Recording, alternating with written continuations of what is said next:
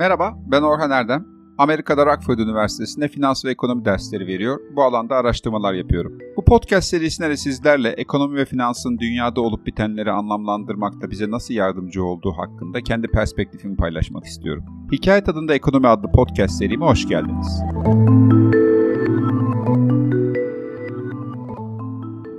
Bir önceki bölümü ekonomik araştırmalarda sıkça kullanılan rasyonel insan fikrine ayırmıştım.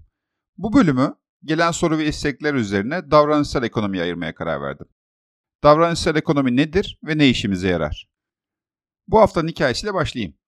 Dedalus ve Ikarus efsanesi olarak bilinen bu mit, bir baba ve oğlun Girit adasında hapsoldukları yerden kaçma hikayesini anlatır. Dedalus oldukça başarılı bir zanaatkar ve mucittir. Döneminin çok başarılı mimari eserlerine imza atan Dedalus aynı zamanda çok da zeki bir adamdır. Atina Devlet Mahkemesi Dedalus'u bir gün bir cinayetten dolayı suçlu bularak cezasını çekmesi için Girit adasına sürer. O zamanki kral olan Minos, adaya giden Dedalus'a içinden çıkılamayacak bir labirent yapmasını emreder ve Dedalus da yapar. Ancak bir gün oraya kendisinin hapsedileceğini bilmez. Girit'te kaldığı süre boyunca Girit halkının özgürlüğünü destekleyen Dedalus, kral tarafından cezalandırılır ve oğlu Ikarus'la beraber labirentin ortasındaki yüksek bir kuleye hapsedilir. Bir zanaatkar olan Dedalus, günlerini o kuleden kaçabilmek için düşünmekle harcar ve aklına harika bir fikir gelir. Der ki kendi kendine, uçup kuş olmaktan başka buradan kurtulmanın bir yolu yok. Oldukça uzun bir süre çalışan Dedalus, kuşların bıraktığı tüyleri toplayarak o tüyleri bal mumuyla birleştirir, hem kendine hem de oğlu Ikarus'a kanat yapar kuleden atlamadan önce Dedalus oğlunu uyarır. Uçuş ne çok alçaktan ne de çok yüksekten olmalıdır. Çünkü korkarak çok alçaktan uçarlarsa denizin nemi kanatları ağırlaştıracak, uçmalarına engel olacak. Kendilerine çok aşırı güvenip yüksekten uçarlarsa da bu sefer güneş bal mumunu eritip kanatların birbirinden kopmasına neden olacaktır. Dolayısıyla güvenli bir uçuş için korku ile güven arasında bir denge tutturulması gerekmektedir. Ikarus babasının ikazını dinler, anladığını teyit eder ve uçuşa hazır olduğunu söyler. Ve böylelikle her ikisi de kendilerini hava boşluğuna bırakırlar. Genç Ikarus uçmanın verdiği zevki ve özgürlüğü hissettikten sonra babasının kendisine verdiği öğütü unutur ve yükselmeye başlar. Tabi yükseldikçe de güneşe yaklaşır. Güneşe yaklaştıkça da güneşin kızgınlığı Ikarus'un kanatlarındaki bal mumunu eritmeye başlar. Bunu fark etmeyen Ikarus daha da yükselir. Daha da yükseldikçe daha çok bal mumu erir ve bir süre sonra kanatlar birbirinden ayrılmaya başlar. Ikarus bunu fark ettiğinde artık çok geç olmuştur. Kanatları kopan genç hızlı bir şekilde düşerek denize çakılır. Üstelik tüm bunlar baba Dedalus'un gözleri önünde gerçekleşir ancak Dedalus hiçbir şey yapamaz. Günümüzde Ikarus'un düştüğü varsayılan denize hala Ikarus Denizi denilmektedir. Kuşadası açıklarında olan Ikaria Adası'nın isminin de buradan geldiği söylenilmektedir. Elbette ki bu hikaye doğru olmayabilir. Zaten adı üstünde mit. Ancak içinde dersler barındırdığı kesin. MIT'in konumuzla olan ilişkisine birazdan geleceğim. Klasik manada ekonomi bilimi insanların rasyonel tercihler yaptığını söyler. Davranışsal ekonomi ise insanların her zaman rasyonel olmadığı, bazen irrasyonel de olabileceği, tabiri caizse normal olduğu varsayımı üzerine kuruludur. İnsanların hata yapabildiğini, bazen hiç akıllıca tercihler yapmadığını ve birçok şeyden etkilenerek normalde vermeyeceği bir kararı pekala verebildiğini söyler. Bu sebeple davranışsal ekonomi yazınında psikoloji biliminden önemli oranda istifade edilir. Bu alanda ekonomistler kadar psikologların da çok önemli katkıları vardır.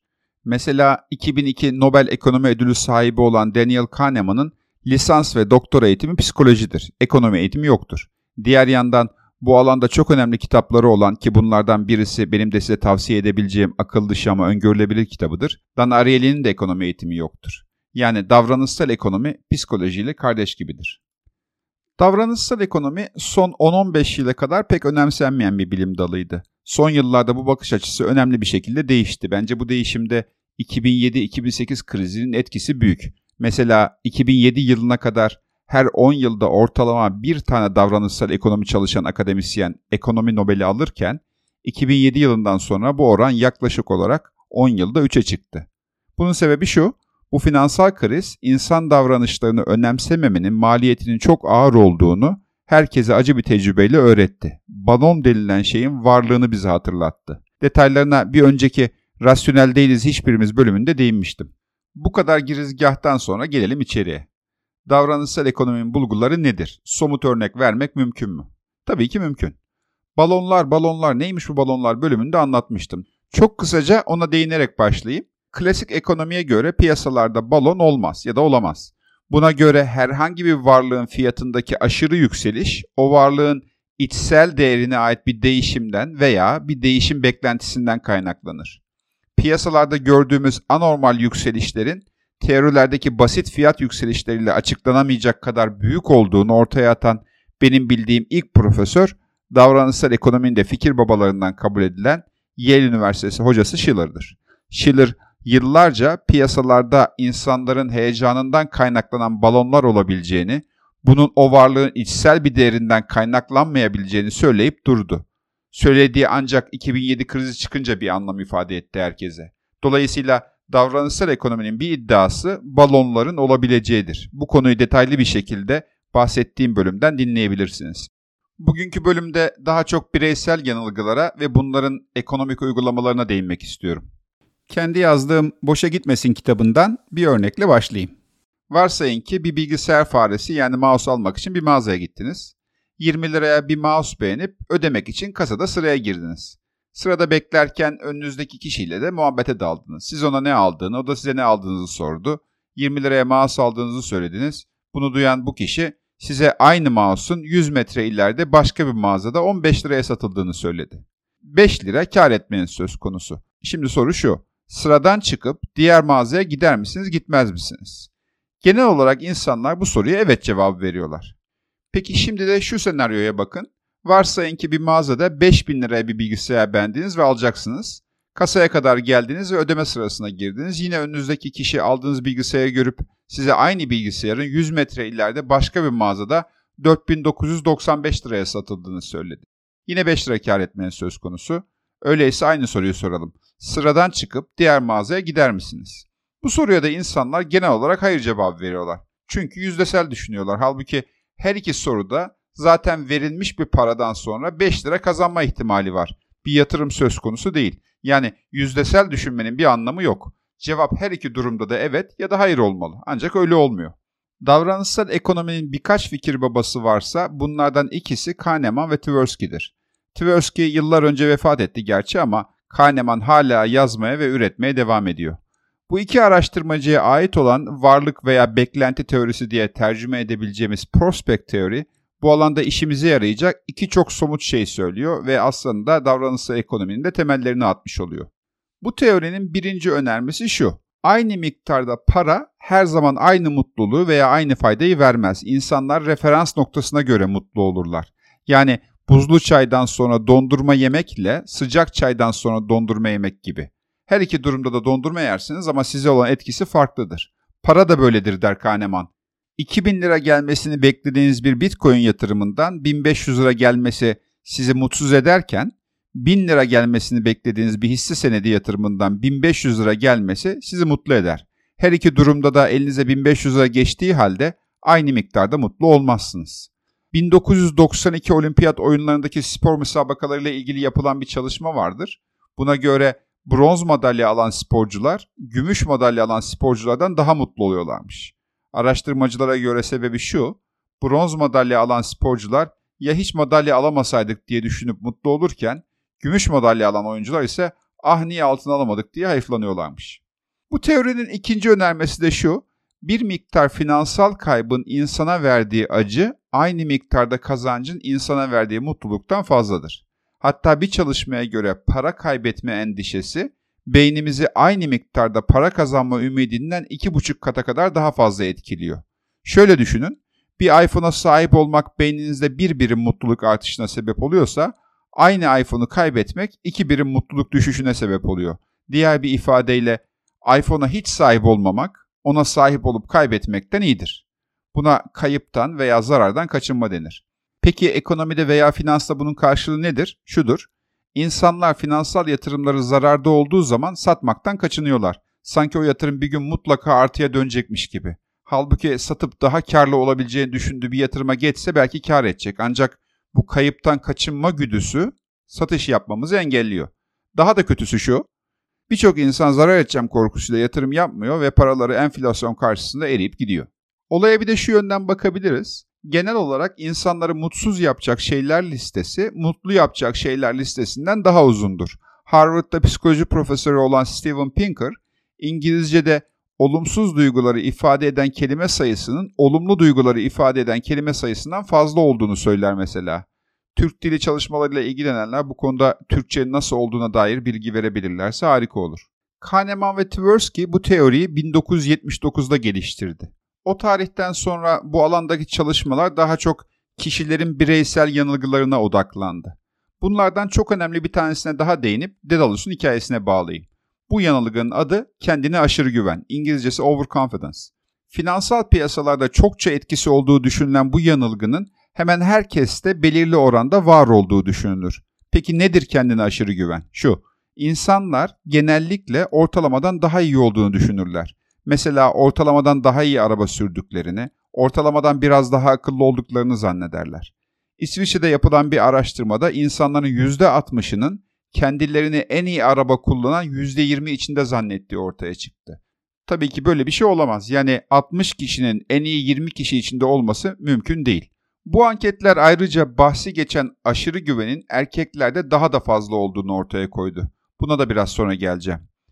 Davranışsal ekonomi deneylerinin çoğu son 40-50 yıla ait ve çoğunlukla psikologlar tarafından yapılan deneyler. Peki ekonomi ve finansla ne alakası var diyebilirsiniz. Kaliforniya Üniversitesi Berkeley'den Dr. Terence Odin kendine aşırı güvenmenin finansal kararlarımızı nasıl etkilediğini şöyle özetler. Kendine aşırı güvenen insanlar çok iyi bildiklerini zannediyorlar. Bu da onları aşırı alım satım yapmaya itiyor. Dr. Odin'in yaptığı çalışmalar finansal piyasalarda hisse senedi alıp beklemek yerine çok sık alım satım yapan insanların diğerlerine göre daha çok para kaybettiğini, hatta bu kayıpların erkeklerde daha da çok olduğunu gösteriyor. Bu da az önce bahsettiğim aşırı özgüvenin erkeklerde daha fazla olduğu gerçeğiyle ilişkilendirilebilir. Benim de arkadaşlarımla yaptığım ve alım satım bilmecesi adıyla yayınlanan bir araştırmada insanları yaptıkları alım satım hacmine göre 5 gruba ayırıp bir kıyaslama yaptık. En sık alım satım yapan grup yıllık %12 kaybederken alım satım hacmi azaldıkça kayıp da azaldı. Ve en az alım satım yapan yani en az sıklıkla alım satım yapan grubun da yıllık %5 kazandığı ortaya çıktı. Profesör Odian'a göre çok alım satım yapma isteği tamamen aşırı güven kaynaklı. Çünkü karşılığı olmayan bir çaba. İnsanlar bildiklerini zannedip çokça al sat yapıyorlar ama sonunda kaybediyorlar. Her bireyin içinde bu sonsuz gökyüzü gibi borsa deryasında kendini gösterme isteği var. İstediğini alıp satabilme özgürlüğü içimizdeki aşırı özgüveni ortaya çıkarıyor ve Ikarus gibi güneşe doğru uçmaya başlıyoruz. Halbuki böyle bir uçuşun bal mumlarını erittiği, aşırı alım satımın zararla sonuçlandığı araştırmalarla ortada. Yanlış anlaşılmasını istemem. Özgüven iyi bir şeydir ama burada biraz da kibre varan ve yersiz bir özgüvenden bahsediyoruz. Mitlerde hatta dinlerde bile yer alan bu duygu davranışsal ekonominin de en temel konularından biri. Son olarak şununla bitireyim. Dikkatinizi çektiyse şu ana kadar saydığım davranışsal ekonomi bulguları çoğunlukla insanların rasyonellikten hangi oranda uzaklaştığı üzerine. Her bir uzaklaşmanın da bir adı var. Kendine aşırı güven, zarardan kaçınma bunlardan bazıları. Burada daha sayamadığım çıpalama gibi, teyit yanılgısı gibi onlarcası var ama ana fikir hep aynı. Yanılgı tespiti. Şimdi akla şu soru geliyor. Davranışsal ekonomi hep bir yanılgı tespiti üzerine mi dayalı? Hiç çözüm önerisi yok mu? Aslında var. Bunun da fikir babası Chicago Üniversitesi hocası Richard Taylor. Taylor bunlara nudge adını veriyor. Nudge kelimesi Türkçe'ye dürtme diye çevrildiyse de dürtmek Türkçe'de genellikle olumsuz anlamda kullanıldığından burada kastedilen olumlu fiili karşıladığını zannetmiyorum. Ayrıca en azından benim kulağıma da hoş gelmiyor. Ben burada yönlendirici düzenleme olarak kullanacağım. İnsanları onların hayatına müdahale etmeden onların faydasına olabilecek tarafa teşvik etmeye yönlendirici düzenleme deniliyor. Yani naç. Ve bu fikrin devlet yönetiminden vergi toplamaya, fatura göndermekten trafiğe kadar birçok alanda uygulaması var. Mesela insanlara yavaş gitmeleri gerektiğini anlatmak için milyonlarca lira harcamaktansa caddelere çizilen enine çizgiler sürücülerin yavaşlamasını sağlayabiliyor. İnsanları tuzsuz yemek yemeleri gerektiği hususunda eğitmektense restoranlardaki masalara tuz koymamak tabii ki isteyenlere vermek şartıyla daha etkili olabiliyor. Aynı şekilde bankaların müşterilerine gönderdikleri basit ödeme hatırlatma mesajlarının da çok işe yaradığı biliniyor. Başımdan geçen bir örnek vereyim. Benim yaşadığım yer Amerika'nın en soğuk eyaletlerinden birisi. Dolayısıyla herkes ısınmak için aşırı derecede elektrik veya doğalgaz harcıyor. Elektrik ve doğalgaz şirketleri bu harcamayı kısmak için evlere faturadan başka bir de karşılaştırma evrakı yolluyor. Bu evrakta 3 kesimin elektrik harcaması karşılaştırılıyor. Siz aylık ne kadar elektrik harcıyorsunuz? Komşularınız ortalamada ne kadar harcıyor? Ve en tasarruflu komşularınız ne kadar harcıyor? Araştırmalar böyle bir bilginin insanların harcamalarını azaltmakta her türlü yöntemden daha etkili ve daha ucuz olduğunu ortaya koyuyor. Buna yönlendirici düzenleme yani nudge deniliyor. Yönlendirici düzenleme fikri zaman içerisinde o kadar benimsendi ki birçok devlet bu alanda faaliyette bulunmak amacıyla özel birimler bile kurdu. İngiltere'de 2010 yılında kurulan Behavioral Insights Team kendi tabiriyle 7 kişilik bir kurumdan dünya çapında bir şirkete dönüştü. Sağlıktan ekonomik büyümeye, tüketimden insani yardımlara kadar bir dizi alanda yönlendirici düzenlemeler yapıyorlar. Yaptıkları işler 31 ayrı ülkeye ilham kaynağı oldu. Sanırım bir ara Türkiye'de de benzer bir birim kuruldu ama hani ne tür düzenlemelere imza attıklarını öğrenemedim. Özet.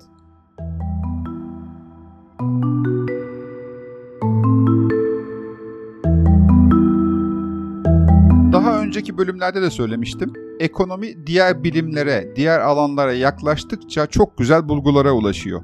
Davranışsal ekonomi esas olarak ekonominin psikolojiyle yakınlaşmış hali ve insanların ekonomik kararlarıyla ilgili çok önemli ipuçları sunuyor. Belki yakın gelecekte diğer bilim ve alanlarla yakınlaşan ekonominin daha güzel bulgu ve uygulamalarını görebileceğiz. Bu alan ilginizi çekiyorsa şu kitapları tavsiye edebilirim. Giriş seviyesi için Dan Ariely'nin akıl dışı ama öngörülebilir kitabı iyi bir başlangıç olabilir. Başlangıç orta seviye için boşa gitmesini deneyebilirsiniz. Boşa gitmesinde diğer kitaptan farklı olarak biraz daha Türkiye perspektifi bulabilirsiniz.